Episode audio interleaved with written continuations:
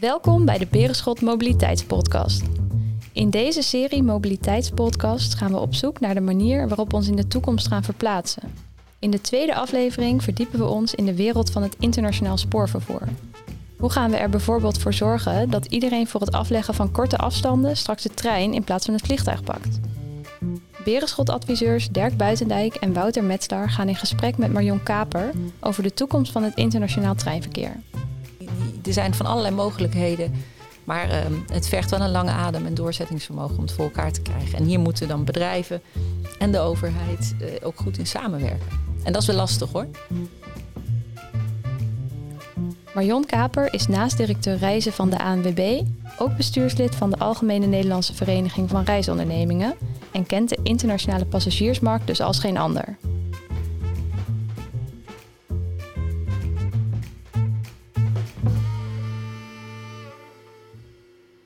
Wouter Metzler, adviseur mobiliteit bij uh, Berenschot. We gaan het vandaag hebben over uh, internationaal vervoer, met name de trein en het vliegtuig. Zometeen ontvangen we onze gast, Marion Kaper. Ik ben heel benieuwd wat jij van haar hoopt te horen. Ik heb zo mijn eigen ideeën en verwachtingen.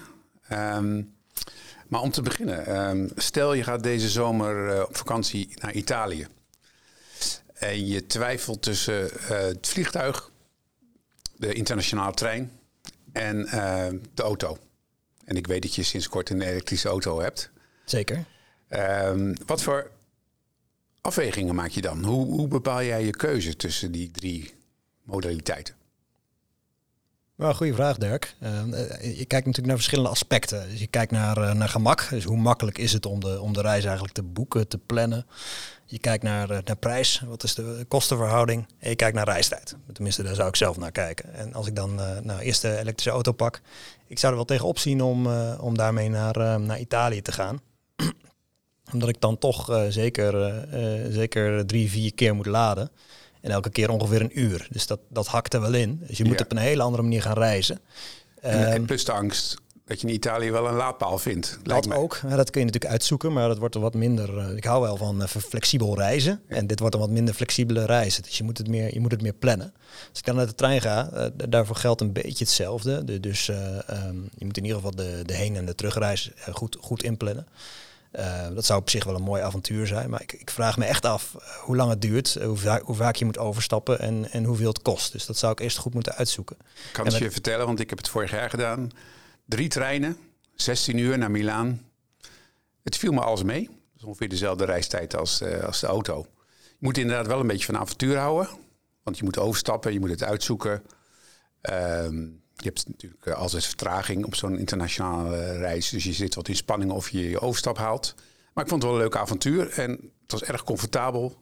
En ik zou het zo weer doen, maar je moet wel van een avontuurtje houden. Ja, het voordeel is gewoon dat de, de, de reis wordt meer de bestemming hè, op die manier. Het met, de, met de trein. Een beetje het Orient Express-achtige gevoel wat je, wat je dan hebt. Maar als we het dan vergelijken met het vliegtuig, eh, dan, dan ben je er met wat, eh, wat incheck gebeuren en natuurlijk de, de reis naar het vliegveld in, in Italië. Ben je er eh, veel sneller, waarschijnlijk tegen een lagere prijs als het om Europese vluchten gaat. En eh, daarnaast eh, kun je daar gewoon dan een auto huren om, om je daar verder te verplaatsen in Italië. Dus ik proef toch een lichte voorkeur voor het vliegtuig. Wat trouwens niet eens licht. Het is duidelijk dat het vliegtuig wordt. Ik denk dat het vliegtuig wel meer voor de hand ligt op, op dit moment. Hè. Ehm, maar het heeft ook te maken met, met gewenning. Wat, wat ben je gewend? Eh, wat, wat, vind je, wat vind je gemakkelijk? Ehm, en dan, moet, dan moeten de trein en de elektrische auto bij mij nog wel wat, eh, eh, wat zendingswerk doen. Terwijl ik er wel elke dag met mijn werk mee bezig ben. Dan even terug naar de internationale trein. Ehm, wat kortere afstand, bijvoorbeeld Duitsland of Frankrijk. Wordt het dan meer Rio? Jazeker. Ik, ik, eh, eh, vorig jaar, eh, dat ging helaas niet door door de omstandigheden waar we nu in zitten, eh, zou ik met de Thalys naar, eh, naar Parijs gaan. Ja, dat is gewoon een hartstikke goed, eh, hartstikke goed aanbod. En je bent er eh, vanaf Rotterdam in eh 2,5 uur. Veel sneller dan met de auto. Het vliegtuig zou ik naar Parijs nooit overwegen. Dus, dus dan is de trein juist weer een, eh, een aantrekkelijker aanbod eh, voor mij. Als we dan naar Duitsland kijken, is dat wel een ander verhaal. Dus daar ben je, zeker als je het in de, de steden in het westen hebt, hè, dan ben je in 2, 2,5 uur met de auto. Met de trein is het is meer ingewikkeld. Ehm, kan ook goed hoor, maar, maar dat, dat zou voor mij minder voor de hand liggen. En het vliegtuig zou ik met name gaan overwegen als ik naar Berlijn of naar München zou gaan. Dan even de link met, uh, met het beleid. Daar houden we ons natuurlijk ook dagelijks mee bezig als uh, Berenschot adviseurs. Zeker. We zitten in het uh, European Year of the Rail. Um, een van de ambities is om tot 2030 het verkeer per hoge snelheidslijn te verdubbelen, maar liefst. Um, dat is een hele grote ambitie. Dan moet er dus heel veel gebeuren. Is dat een reëel, uh, reëel uh, ambitie? Nou, misschien op Europees schaalniveau wel. Hè. Je hebt toch ook een beetje wat uh, ja, wet van de remmende voorsprong voor een deel in Nederland. Dus naar, naar het zuiden, ook, ook, naar Londen, is er, redelijk, is er een redelijk aanbod. Dus dat kan op sommige lijnen nog wel verdubbeld worden als het gaat om de Nederlandse situatie. en daar is ook veel vraag naar. Hè. ook omdat het gewoon relatief goed is wat, wat we aan aanbod hebben in, in Nederland. Als we naar het oosten kijken, dan moet echt voor een verdubbeling nog wel wat gebeuren met de infrastructuur die beschikbaar is. Dus ik ben ook wel benieuwd um, hoe Marion er zo meteen naar kijkt. Hè. Wat, wat kan de EU nou doen om, om Nederland te stimuleren om, uh, om die gewenste verdubbeling te realiseren? Ja, inderdaad even het bruggetje naar Marion, die uh, spreken we zo meteen. Um, ik ben benieuwd wat jij haar wil vragen, waar jij naar in geïnteresseerd bent. Ik zelf zou haar uh, willen voorleggen de vraag... Um, kunnen we inderdaad die klimaatdoelen halen zonder echt gedragsveranderingen? En wat ziet zij in, bij de consument? Uh, hoe ver moet je dat sturen? Um, het interessante is natuurlijk dat zij zowel uh, werkzaam is geweest bij de Nederlandse Spoorwegen als nu bij de ANWB. Dus zij kent beide kanten als het ware van de tafel, zowel het beleid als uh, het consumentengedrag. Wat denk jij? Waar ik heel benieuwd naar ben, is, is dat consumentenperspectief. En ook omdat nou, ANWB zowel een, een, natuurlijk een belangenorganisatie is, als ook een organisatie die zelf uh, nou, commercieel actief is in de, in de reismarkt. Dus, dus Marion is ook degene die uh, volgens mij verantwoordelijk is voor, de, voor het reisaanbod van, van ANWB. En zij hebben ook een sterke ambitie om dat te verduurzamen. Dus ik ben ook wel benieuwd wat zij doen als, als ANWB om de internationale trein, zeker in Europa, maar misschien ook hè, internationale trein als, uh, reismogelijkheid binnen landen waar je inter, intercontinentaal heen vliegt. En wat zij doen om de trein daar als, uh, um, als duurzaam alternatief aan hun, uh, aan hun klanten eigenlijk aan te bieden. Want dat is natuurlijk best spannend als het gaat om, als het gaat om klanten waar je graag in een concurrerende markt reizen aan wil verkopen. Ja, want ik denk op het moment dat de ANWB treinreizen naar Italië aanbiedt, dan gaan we echt onze doelen halen. Want dan zijn we goed op weg. Ja, en dan, dan is ook de vraag welke, welke voorwaarden zijn er voor hen? Hè? Wat, wat moet er georganiseerd worden uh, qua, qua informatie, qua ticketing, uh, qua, qua boeking? Uh, om, het, om het dermate, het, het, aanbod dermate goed te maken dat ze dat, dat ze dat gewoon aan hun reizigers willen verkopen.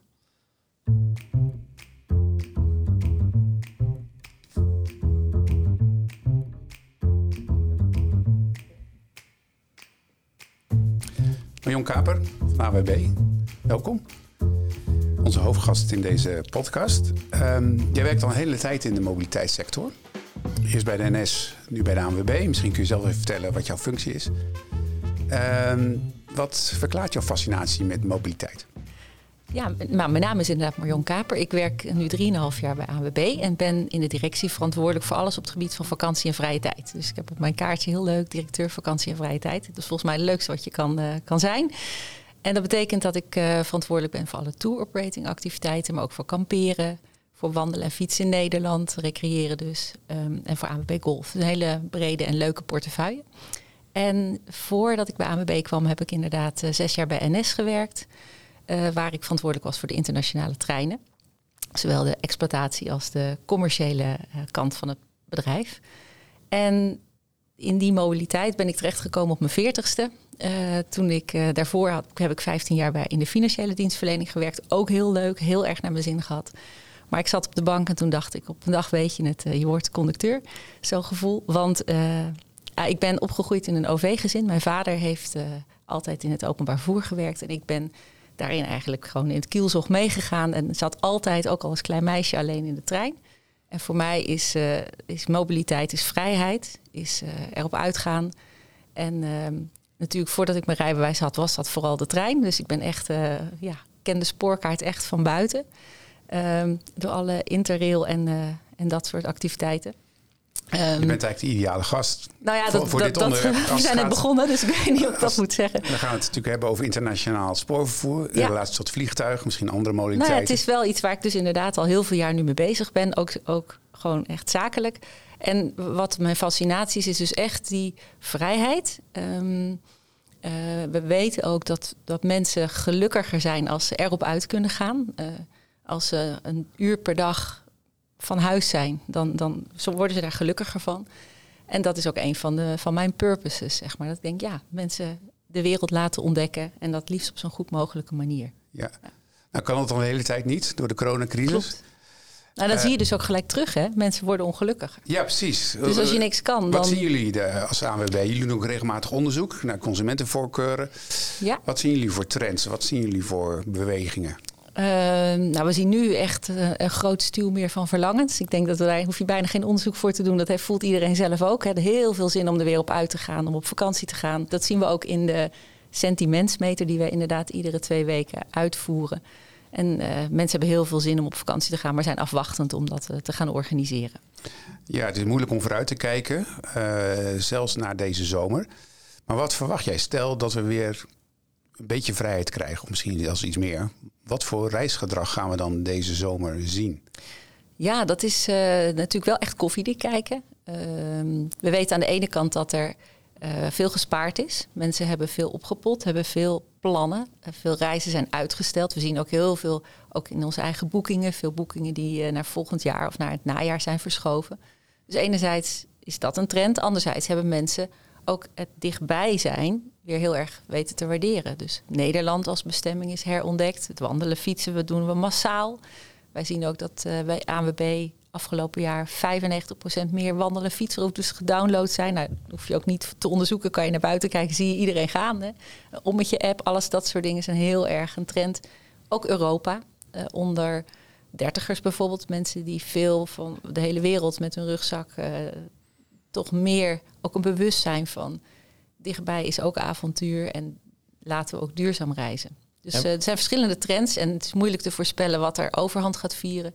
Ik denk wel dat je kan stellen dat voor ons als maatschappij, en misschien is dat een beetje verwend, is vakantie toch een soort van levensbehoefte geworden. Eh, dus mensen gaan dat weer zeker weer doen. En je had het net ook over dat uh, stuw meer van verlangens. Hè? Ehm, is dat, denk jij, zeker op de korte termijn, een sterkere overweging voor, uh, voor reizigers dan uh, duurzaam met de trein gaan? Dus denk je dat zo'n intercontinentale reis naar Azië bijvoorbeeld, dat dat de eerste jaren meer zal zijn? Ik denk, ik denk dat dat wel weer gewoon gaat gebeuren, ja. En, ehm, en ik geloof als, als mens en als ook bestuurder, verantwoordelijk ook voor een deel van het toerisme, dat we naar een duurzame toerisme moet, toe moeten. En een deel van de bevolking en van onze, van onze mede-Nederlanders is daar al heel erg bewust mee bezig. Maar dat is nog wel een klein deel die er echt van zegt van ik ga niet meer vliegen of zoiets dergelijks. Um, wij doen ook consumentenonderzoek naar wat, wat, hoe kijkt men aan tegen duurzaam reizen. En dan zien we al wel dat mensen zeggen we zijn bereid er meer voor te betalen. Uh, maar wel nog vanuit het gemak van aanbieder, maak het me makkelijk. En dat is ook logisch. Weet je, een heel deel van, van, van Nederland wil gewoon graag dat, het, dat ze het kunnen uitkiezen, dat het geboekt kan worden. En dus hebben bedrijven, uh, organisaties ook een verantwoordelijkheid hierin. En om daar een voorbeeld van te noemen, wij zijn als ANWB een vereniging, dat moet even duidelijk voor de luisteraars, met bijna 5 miljoen leden. Dus enerzijds zijn wij een nou ja, de, grootste vereniging van Nederland. En bekend van, uh, van uh, natuurlijk de Wegenwacht. Maar we hebben ook ver, verzekeringen en allerlei andere producten. Maar grote vereniging. Maar we hebben daarnaast ook uh, ja, tour operating activiteiten. En voor de reizigers die echt met ons op vakantie gaan, hebben we nu al twee jaar. Dat we CO2-compensatie is gewoon een ja, is gewoon inclusief in het pakket wat je bij ons afneemt. Dus daar is geen vraag of je dat wel of niet wil. En dat vonden we eerst best wel spannend om dat te doen. En dan zie je ook wel weer het gemak van de, van de Nederlander die wij dachten, oh jee, er komt een paar euro per boeking bovenop. En daar zullen we wel veel opmerkingen over krijgen. We hebben er nul gehad. Hmm. Dus zoals je het mensen ma makkelijk maakt. En CO2-compensatie is maar het begin. Hè? We kunnen zo over doorpraten wat je allemaal nog meer zou kunnen doen. Maar dat, en dat geldt dus ook voor een autovakantie die bij ons koopt. Ook voor een weekendje weg naar de, bij wijze van spreken, naar de Beekse Bergen. Dan zit er altijd een paar kwartjes de CO2-compensatie in. Nou, ik vind dat dat vind ik mij verantwoordelijk ook als organisatie om dat op een goede manier te doen. Maar dat is nog maar het begin. Ja, dat is, dat is inderdaad eh, heel, heel mooi, een mooie stap. En, en ook dat, dat laat ook zien dat je, uh, dat je als bedrijf daarin ook leidend in kan zijn in consumentengedrag. Ik ben wel even benieuwd naar wat je net zei. Hè? Dus, dus eigenlijk intercontinentale reis is natuurlijk een heel ander product dan een, dan een reis in Europa of in, in Nederland. Uh, je zult moeten vliegen als je naar Azië gaat. Uh, als het nou gaat om die reis in Europa, ehm, hoe zorgen we ervoor dat, dat reizigers daarvoor meer met de, met de internationale trein gaan in plaats van die, die uh, standaard autoreis naar, uh, naar Italië ja, maken of, of, eh, of met het vliegtuig gaan? Ja, dat, dat, zou fantastisch zijn als mensen meer met de trein gaan reizen. Het is natuurlijk echt by far een, van de duurzaamste manieren om je te verplaatsen. Overigens vlak ook niet de, de elektrische auto uit. Hè. Op sommige bestemmingen kun je moeilijk komen met de trein en dan is een elektrische auto ook een goede optie is ook nog heel veel te doen. In laadpalen bij hotels en dat soort dingen. Um, maar als je het hebt over de trein, misschien is het even die intercontinentale reizen. Ik, ik denk, er zijn mensen die willen, die willen graag de wereld ontdekken. Ga dan, als je gaat, ga minder vaak en ga langer. Ga met een vliegtuig in één keer. Zorg dat je een directe vlucht neemt. Heel belangrijk verschil. Mensen zoeken vaak naar de goedkoopste optie. Maar als je gewoon direct vliegt, heb je veel minder CO2-uitstoot. Boek een luchtvaartmaatschappij met een moderne vloot, zodat je weet dat er ook minder uitstoot is. Zo kun je dus ook voor jezelf wel af en toe zo'n verre reis maken, maar ga niet voor tien dagen naar Curaçao, zou ik zeggen. Dus uh, mag iedereen zelf weten, maar ik zou het niet doen. Zouden jullie zo ver gaan als ANWB dat je daar een advies in geeft op je website? Ja, vind ik wel. Want ik vind ons daar, wat ik zeg, dus uh, consumenten hebben natuurlijk zelf een verantwoordelijkheid, maar je hebt ook als organisatie. Uh, en een voorbeeld wat je kan doen om mensen te zeggen: waarom zou je altijd ver weg gaan? is ook laten zien, als je bijvoorbeeld wil een wildernis kano vakantie in Canada overweegt. We hebben wel gedaan dat je dan foto's laat zien ook van een vakantie in Zweden. Uh, als je de foto's bekijkt, is het niet heel erg veel anders. Waarom zou je altijd heel voor. Dus je kan daar ook in adviseren en in stimuleren dat mensen niet per se de hele wereld over reizen. Ook naar de, als je het hebt over massatoerisme, daar kun je ook voor zorgen dat je dat niet aanbiedt. Dus daar heb je zeker een rol in. En als je dan binnen Europa, dan vinden wij dat we bestemmingen tot een kilometer of 700, die willen we het liefste per trein of per elektrische auto of, of hele zuinige auto uh, aanbieden. En uh, ja, vliegen op de korte afstand vind ik echt. voor mij is dat een no-go. Ja. Nou, wordt, nou wordt vliegen op de korte afstand vaak ook gebruikt om die internationale vluchten op te vullen. Hè? Dus dat je bijvoorbeeld vanaf Brussel naar, naar Amsterdam vliegt om, vervolgens met het vliegtuig naar New York te gaan. Dat is natuurlijk aantrekkelijk voor de, voor, de, voor de, de luchtvaartmaatschappijen. Uh, hoe zou, wat zou er voor nodig zijn om, om, om, dat, om dat tegen te gaan? Uh, kan, je, kan je een combinatie maken met, met internationale treinen ja, en, vluchten? En dat is al, al best lang. Ik denk al tien jaar is er een soort air-rail, uh, een soort, het heet air-rail samenwerking. Dus tussen de luchtvaartmaatschappijen en de spoorwegmaatschappijen. Waarbij je in feite dan dus een ticket boekt van, in dit voorbeeld, van Amsterdam naar uh, transatlantisch en via Brussel. En waarbij je het eerste stuk een, een, ticket krijgt voor de trein. En uh, dat is een samenwerking, daar heb ik ook aan meegewerkt. Het is best heel moeilijk om, tot stand te brengen. Maar dat is natuurlijk de manier waarop je het dan eigenlijk graag wil. Um, er zijn goede spoor. Ik bedoel, Schiphol is natuurlijk perfect bereikbaar ook vanuit, vanuit België. Dus er zijn van allerlei mogelijkheden. Maar um, het vergt wel een lange adem en doorzettingsvermogen om het voor elkaar te krijgen. En hier moeten dan bedrijven en de overheid ook goed in samenwerken. En dat is wel lastig hoor. ja, de trend is onmiskenbaar. Mooie initiatieven. Maar dan komen we bij de politieke doelen. De Europese Unie heeft als doelstelling om in 2030 het hoge snelheidsverkeer te verdubbelen per trein. Nou, als je kijkt naar de huidige trends, betwijfel ik of we dat gaan halen. Op een gegeven moment moet je natuurlijk gaan versnellen en misschien ook dingen gaan afdwingen. Um, dat is natuurlijk een hele lastige afweging. Hoe, hoe, hoe zie jij die balans? Denk ontzettend belangrijk dat die ambities er zijn en dat ze ook uh, Europees, dat er Europese samenwerking is om die ambities te realiseren. Maar even wat historie, dus best wel wat, dus best voor de spoorbedrijven ook best een. Uh, ja, een, een, historie waar je op voortbouwt. Een van de zaken is, dus het spoor bestaat al uh, veel meer dan 100 jaar. En daarin heb je de wet van de remmende voorsprong ten opzichte van de, de vliegtuigen. Um, dat je ten eerste met, met spoor te maken hebt, met heel veel techniek, met uh, heel uh, grote investeringen. Um, dat is aan de aan de hardwarekant, zeg maar, maar ook aan de ticketingkant, waar je aan, als je het hebt over de luchtvaart, dan is er een IATA, waar alle, uh, is er een één systeem in de hele wereld, waardoor je heel makkelijk kan samenwerken in het uitgeven van tickets. Dat is er niet in, in het spoorland. En dat is ook niet per se de schuld van de spoorbedrijven, maar er is een hele tijd geweest dat men vond dat er concurrentie op het spoor moest zijn. Dus als je in Europa kijkt, heb je heel groot de Deutsche Bahn, je hebt heel groot de SNCF. En uh, dat zijn twee blokken die in principe elkaar als concurrent zien. En als je dat uh, zo ook jarenlang bent aangestuurd, de internationale spoorverbindingen, daar waren, zijn geen concessies voor. Dat was van nou, de markt is open, ga maar. Maar het was ontzettend moeilijk om dat rendabel voor elkaar te krijgen. Want, nou goed, ik ben dan zelf daar ook mee bezig geweest. Maar als je een trein wil rijden van Amsterdam naar Brussel, dan moet je vanaf de grens heel veel betalen per kilometer. Om, uh, om uh, ja, verdien dat maar weer eens terug. Maar ook die ticketing, er is geen samenwerking. Dus het is heel moeilijk om een, een goede internationale verbinding aan te bieden. En als je dat niet stuurt vanuit de politiek, hè, dus als je ja, ik vind het een hele goede zaak. Hoe groot die ambitie precies moet zijn. Nou, zet hem maar heel erg ambitieus neer. Dan laat je zien hoe belangrijk het is. Um, het zal wel niet te realiseren zijn nog, maar ja, hoogsnelheidsverbindingen en überhaupt spoorverbindingen, dat, daar moeten we op inzetten. Ja, dat is denk ik ook wat je, wat je aanstipt ook een heel goed punt, hè, van die, verschillen tussen die lidstaten. Als je naar uh, nou, het voorbeeld van Italië nog maar weer nemend.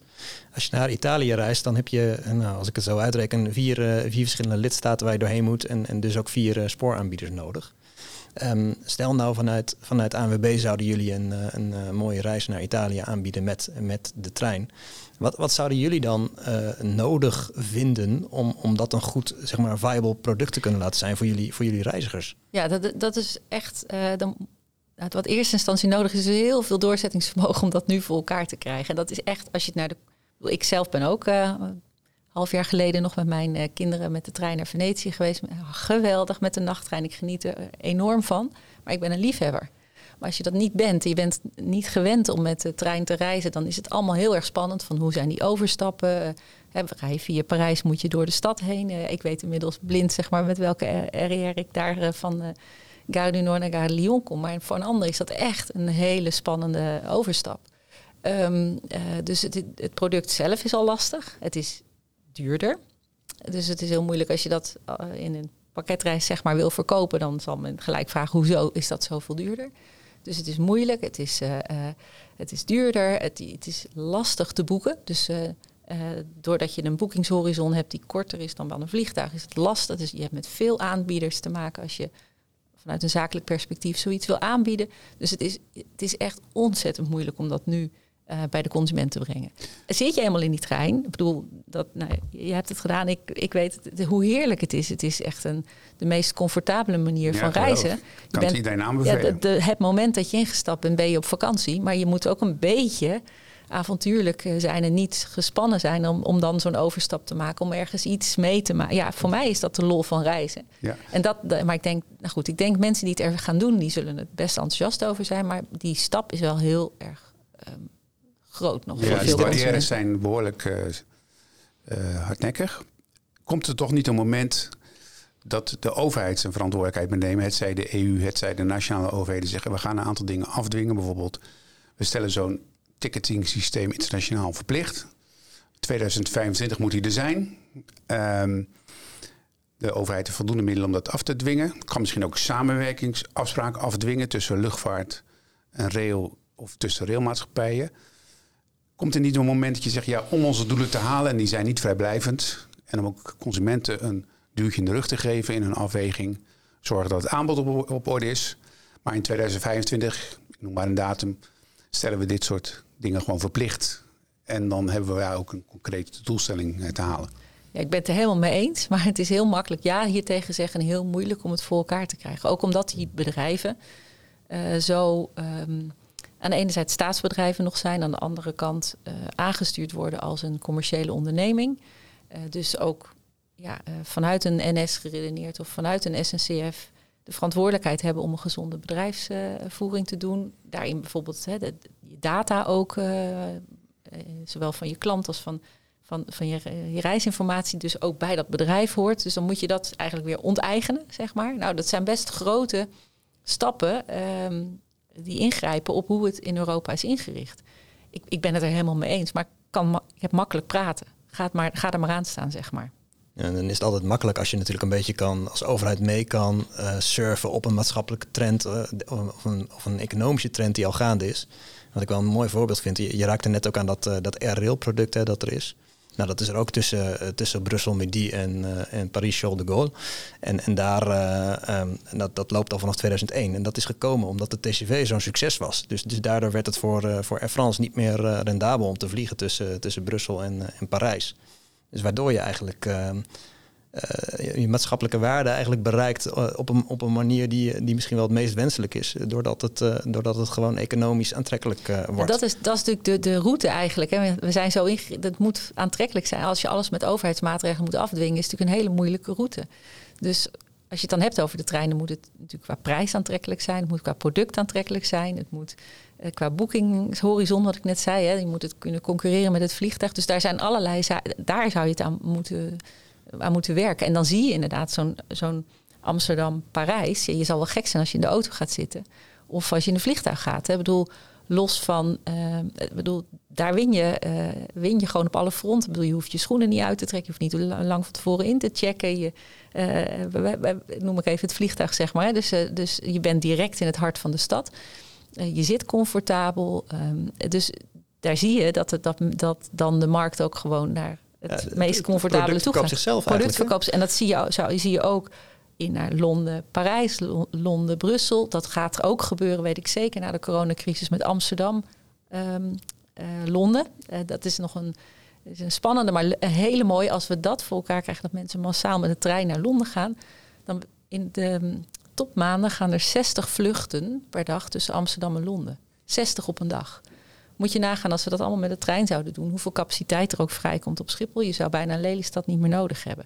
Dus je, hier zitten echt enorme kansen. Maar het product moet wel zichzelf inderdaad verkopen. Kan de, kan de spoormarkt dat aan? 60 vluchten vervangen met, uh, met nog niet, uh, Eurostars? Nog niet. Nog, dan, dan, maar ja, uh, het, het, spoor ligt er, zeg maar. Dus je, je, kan, je kan met veel hoogfrequenter, veel hoogfrequenter rijden dan er nu gereden wordt. Dus er kunnen nog heel veel treinen bij.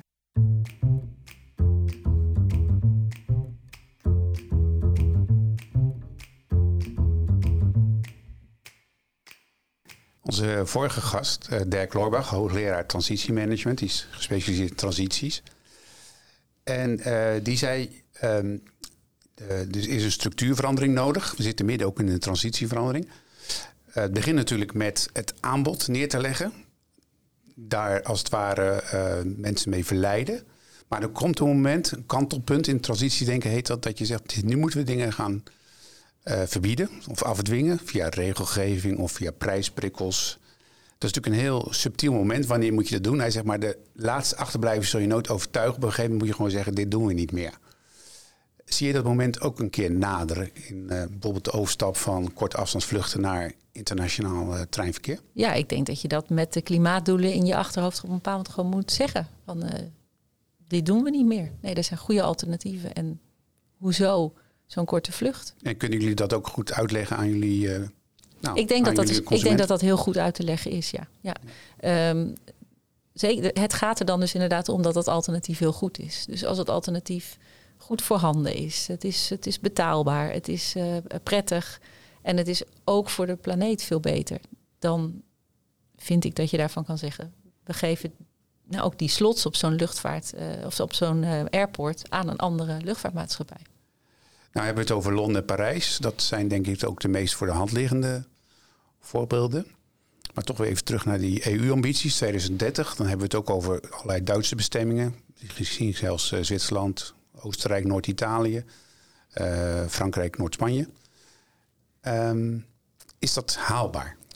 Kunnen we op die termijn al die condities vervullen die reizigers moeten verleiden om over te stappen? Of moeten we gewoon zeggen nee, dat is 2030, misschien 2035, maar 2030, dat, dat wordt hem niet.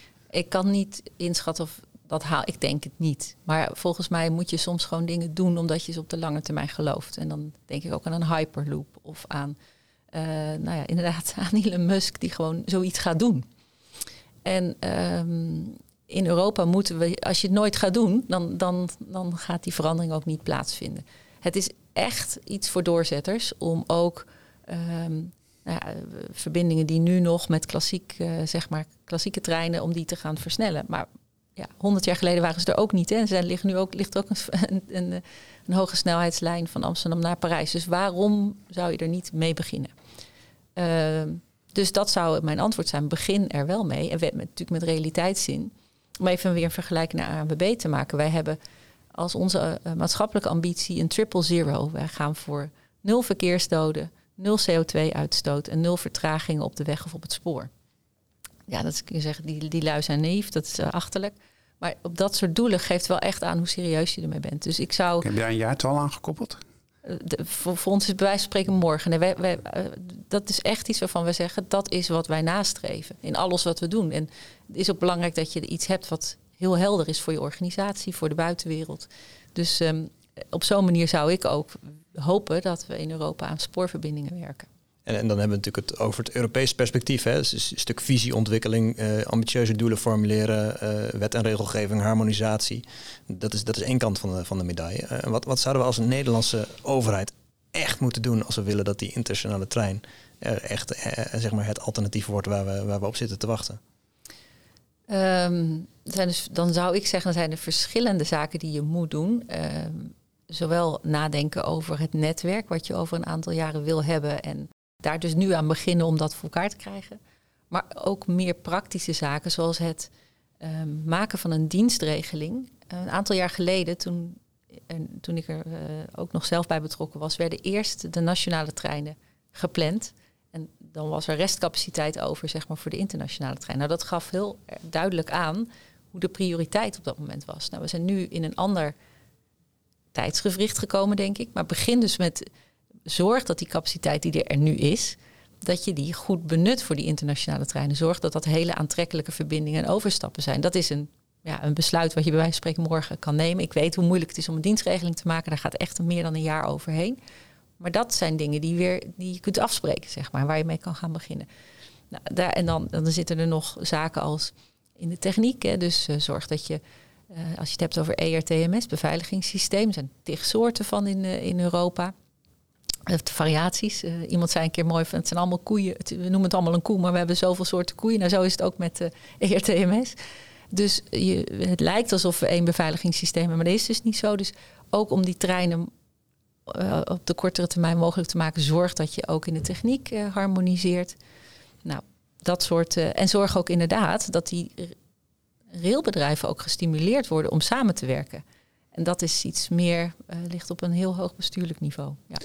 De moeilijkste vraag vind ik zelf altijd nog. Gaan we het halen met anders reizen? Of moeten we gewoon ook zo simpelweg minder reizen? Als we gewoon kijken naar de doelen van de klimaatakkoord. Ehm, uit berekeningen blijkt dat als we anders gaan reizen, dat we heel veel gaan realiseren. Bijvoorbeeld door elektrische auto te gaan rijden. Maar dat we onze doelen niet halen als we ook niet minder gaan reizen. En dan kom je natuurlijk op een heel gevoelig punt. Nou, ik vind het niet zo hoor. Okay. Ik ben... nou, leg eens uit. nou ja, ik, ik, ik, wat dat betreft vind ik uh, corona toch wel een, uh, een blessing in disguise. Um, uh, want, ja, ik weet niet hoe het met u is, maar ik ben echt toch veel minder aan het reizen. En ik geloof er heel erg in dat we voor dat we als, als maatschappij de onnodige kilometers kunnen wegschrappen. Ja, dat we dat gaan, we dan, gaan we dan de mensen vertellen, als we toch weer ouderwets gaan reizen, ouderwets in de zin van pre-corona, dat willen we niet meer? Ja. ja. Ik geloof ook niet dat er weer zo'n. Ik geloof er, ik weiger te accepteren dat we weer naar dezelfde situatie gaan als voor corona. Voor mij is het er in ieder geval niet. Als ik even bij mijn eigen leven hou, reisde ik uh, zo'n 12 uur per week, uh, zeg maar, gewoon mijn werk in Nederland. Weliswaar met de trein, maar dat waren 12 uren die ik nu veel nuttiger kan besteden. Ik deed weliswaar, ik reis, reisde met de trein met name om files te voorkomen en om mijn e-mail te kunnen doen. Maar nu ben ik aan het sporten, ik ben met mijn kinderen bezig. Dat gaat niemand mij meer afnemen. Dus uh, ik geloof echt dat we voor een heel deel van het werk elkaar willen ontmoeten. Dus dat voor creatieve zaken, voor om elkaar, te, nou ja, om een sociale cohesie ook in, in organisaties te hebben. Maar ik heb geweldig efficiënte meetings die ik nooit meer niet digitaal wil doen. Dus voor mij, als het daar alleen over gaat, dus over het, het, de mobiliteit in Nederland. Weliswaar zitten we, de, zie je dat die mobiliteit er weer op een hoog niveau is. Maar voor mijzelf, voor mijn organisatie, Wij willen echt naar veel minder reizen. We zeggen straks gaan we twee dagen naar kantoor. Of voor bepaalde afspraken. Nou, zo kun je ook naar vakanties kijken. Of naar ieder geval naar zakelijke vluchten. Dus uh, ik geloof dat in het zakelijk verkeer ook minder gereisd zal worden in de toekomst. Ja, nou zijn, nou zijn zakelijke vluchten natuurlijk, uh, business class vluchten, dat zijn de, uh, zeg maar een beetje de, de kurk waar sommige uh, luchtvaartmaatschappijen ook hun, hun e economy class op, op laten drijven. Um, denk je dat die, die afname van het business class verkeer, dat dat ook gaat leiden tot, tot spannende ontwikkelingen in die luchtvaartmarkt? Boe, dat, ik zou niet graag op de stoel zitten van, ja, het is moeilijk nu om een luchtvaartmaatschappij zeg maar vorm te geven voor de toekomst. Want dit is inderdaad, denk ik, wel echt waar. Hè? Dus daar ligt een enorme uitdaging om, uh, om nog met de verliezen die nu worden geleden ook straks nog een rendabel uh, model te hebben. Het is inderdaad geen geheim dat die uh, bijvoorbeeld transatlantische business class vluchten heel, een heel deel van de, van de businessmodel van, een, van bijvoorbeeld een, uh, nou, ons bekende luchtvaartmaatschappij bepalen. Maar ik, ik ben daar te weinig ervaring om er echt wat van te kunnen zeggen. Ik denk dat het wel dat we over tien jaar daar, ja, zou ik heel interessant vinden wat gesprek nog eens te voeren. Uh, wat zou dat kunnen betekenen? Het is heel speculerend natuurlijk voor de, ook voor de, voor de reismarkt. Um, ja, wat, dan gaan we inderdaad speculeren. Maar het, het zou natuurlijk kunnen betekenen dat vliegtickets duurder worden. En uh, dat is ja, we roepen steeds ze zijn te goedkoop. Dus in die zin is het, eh, is het misschien ook wel goed hè, dat we, als je het hebt over weer de vergelijking met de trein, dat je dan van die kant, hè, aan de ene kant hebben we het over tax, meer eh, eerlijke luchtvaartbelasting. Om, om, om de maar ja, het, voor een paar tientjes naar Barcelona is natuurlijk gewoon echt niet wat we willen. Dat of voor tien dagen naar Curaçao. Ja, er zijn, er zijn en ik weet ook dat daar hè, ook uh, heel gewaardeerde collega's van mij daar wel ook een businessmodel op hebben. Maar goed, een gezonde pricing is wel uh, belangrijk, zou ik willen zeggen. Ja. Het is wel zo, als ik dan weer terugkom naar het begin van het gesprek. Um, ik gun wel iedereen uh, dat ze er erop uit kunnen gaan. En vakanties betaalbaar houden is wel ook heel belangrijk. Ik bedoel, dus dat, en dat vind ik ook echt ook voor de leden van de ANWB. Zeg maar. We zijn niet allemaal mensen met een grote portemonnee. Dus ja, maar dan, dan is er dus de vraag, wat, wat, wat er kan er dan wel? Ja, ik heb het gevoel, het gevoel dat het nog nooit zo moeilijk is geweest om beleid te maken, om vooruit te kijken. Dat geldt voor businessmodellen van luchtvaartmaatschappijen, maar dat geldt ook voor prognoses van uh, hoe gaan we om met uh, de mobiliteit zometeen als het weer wat meer mag. Je gaf net al een beeld van uh, hoe je na je coronatijd zelf denkt te gaan reizen. Ehm, nog veel moeilijker is 2030, maar laten we toch eens proberen als slot van deze podcast, hoe, hoe reis je zelf misschien in 2030? Wouter, misschien wil je ook meedenken. Ja, hoe reizen wij met z'n drieën hier aan tafel? In ieder geval elektrisch. Um, dat is zeker. Dat is zeker. Dat moet ik zeggen, dat doen wij als gezin. Dat is het deel, hè? Nou ja, dat is. Ik vond het. Wij, wij, wij, doen het nu. We hebben nu zes jaar of zo dat we elektrisch. En de eerste keer uh, dat we met z'n allen als gezin naar uh, um, de Alpen reden met een volbepakte auto. En uh, dat is natuurlijk ook nog best wel een avontuur voor mensen. Ik vind het uh, heel erg leuk. En we hadden ook nog een hond die onderweg uitgelaten moest worden. Als je het allemaal moet plannen. Maar je moet je wel gewoon genieten van de eerste minuut dat je onderweg bent. Want het is gewoon een avontuur. Maar goed, in ieder geval elektrisch. Ik hoop veel meer met de trein. Ik hoop ook dat mensen gewoon de wereld kunnen blijven ontdekken. Maar dat dat dus gebeurt op een verantwoordelijke manier. Dus ik, ik geloof heel erg dat toerisme en duurzaamheid hand in hand kunnen gaan dat dat aan de ene kant bij mensen die de keuze maken om te gaan, nou, leidt tot nou, misschien af en toe een, een, een, hogere prijs, misschien minder vaak gaan. En heel bewust zijn met wat je, welke keuzes je maakt. Ik geloof dat daar reisaanbieders een belangrijke rol in spelen. Maar ik denk dat we dat wel gaan vinden in 2030. En uh, ja, ik hoop dat we op die manier beter de wereld gaan ontdekken. En jij, Wouter? Nou, ik, ik, denk, ik ben het met Marion eens. Het, gaat, het gaat ook uh, een stuk meer in balans komen. Wat je de afgelopen jaren natuurlijk zag, dat, dat mensen uh, heel veel intercontinentaal reisden voor, voor leisure. En dat, dat zal nog steeds, dat zal nog steeds, er zal nog steeds een belangrijke markt voor blijven. Maar dat wordt meer iets wat je, net zoals vroeger eigenlijk, once in a lifetime of, of, of eens in de zoveel paar jaar doet. En dat vul je dan aan met, met duurzame reizen binnen Europa. Het liefst met de trein natuurlijk, als dat kan. En, en ook steeds meer met de, met de elektrische auto's. Ik ben ook wel zelf persoonlijk geïnspireerd doordat je zegt... ik ga al zes jaar met de elektrische auto op vakantie in Europa. Want ik heb, nou, dat zeiden we aan het begin ook... ik heb sinds kort zelf ook een elektrische auto en, en zie daar toch wel tegen op. Hè? Dus je hebt ook dat soort voorbeelden gewoon nodig. ook van mensen die je kent... om, om, om zelf ook overtuigd te worden dat het echt prima kan. Ja, ja reizen moet weer wat avontuurlijker worden. Dus waarom niet van tevoren even uitstippelen wat je route is? Maakt het een stuk spannender. Ja. Dat is ook onderdeel van het hele pakket wat jullie als ANWB kunnen aanbieden. Zeker, en een, goede, een hele goede routeplanner hoort daar natuurlijk bij. Maar er hoort echt ook, en dat wordt dan een beetje dat filosofische van...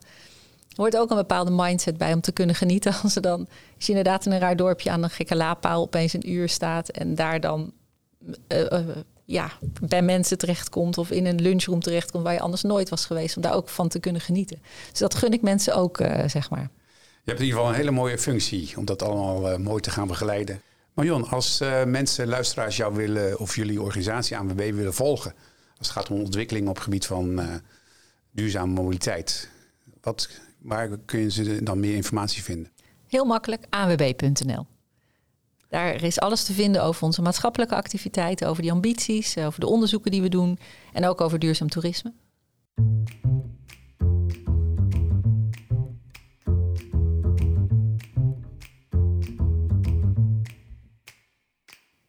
Onze volgende podcast gaat over het thema verkeersveiligheid.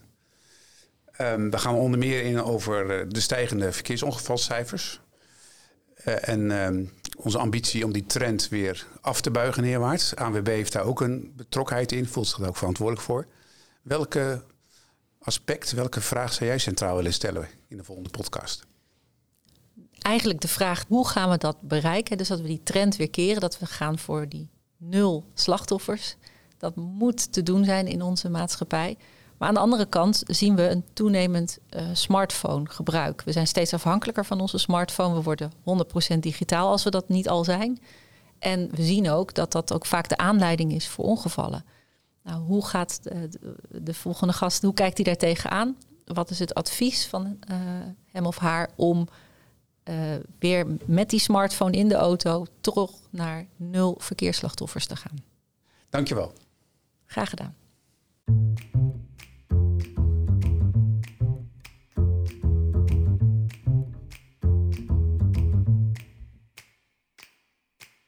In de volgende podcast gaan we het hebben over innovatieve verkeersveiligheid.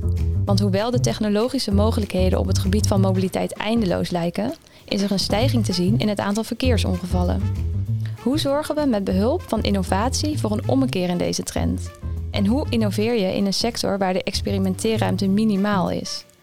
Is de toekomst door nieuwe technologie schadevrij of zijn verkeersongevallen onvermijdelijk? Deze podcast werd gemaakt door Berenschot-adviseurs Dirk Buitendijk, Dieneke Mooiman, Wouter Metzler en mijzelf, Vera Mulder. Wij bedanken onze gast Marion Kaper. Vergeet ons niet te volgen, zodat je geen enkele mobiliteitspodcast hoeft te missen. En laat ons weten wat je van de podcast vindt door een reactie achter te laten.